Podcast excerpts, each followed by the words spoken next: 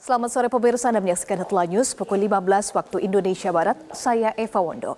Pemirsa jelang hari pemungutan suara yang akan berlangsung besok, Kesatuan TNI Polri Wilayah Hukum Metro Jaya menggelar apel pergeseran pasukan untuk mengamankan TPS.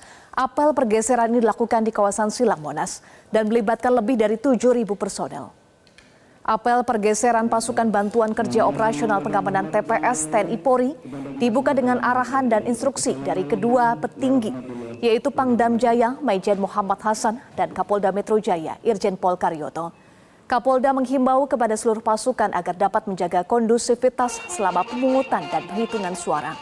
Selain itu, kesatuan pasukan akan mengamankan 65.450 TPS di seluruh wilayah Jabodetabek dengan menempatkan satu hingga dua personel di setiap TPS-nya.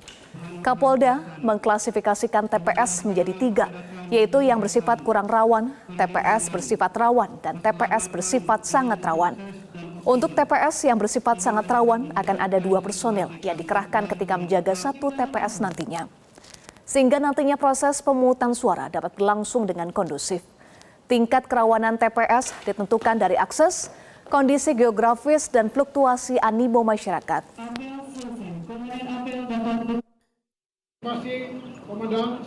Kita bisa melihat uh, kehadiran TNI untuk memberikan perbantuan yang sifatnya dalam keadaan aman adalah masih bersifat uh, ikut mengawasi jalannya uh, proses pemilu. Ya. Pasukan-pasukan, semua pasukan disebar di 13 uh, kota. Ya. Brimobnya, Sabaranya, dan juga TNI kita sama-sama melekat dalam satu wilayah penugasan.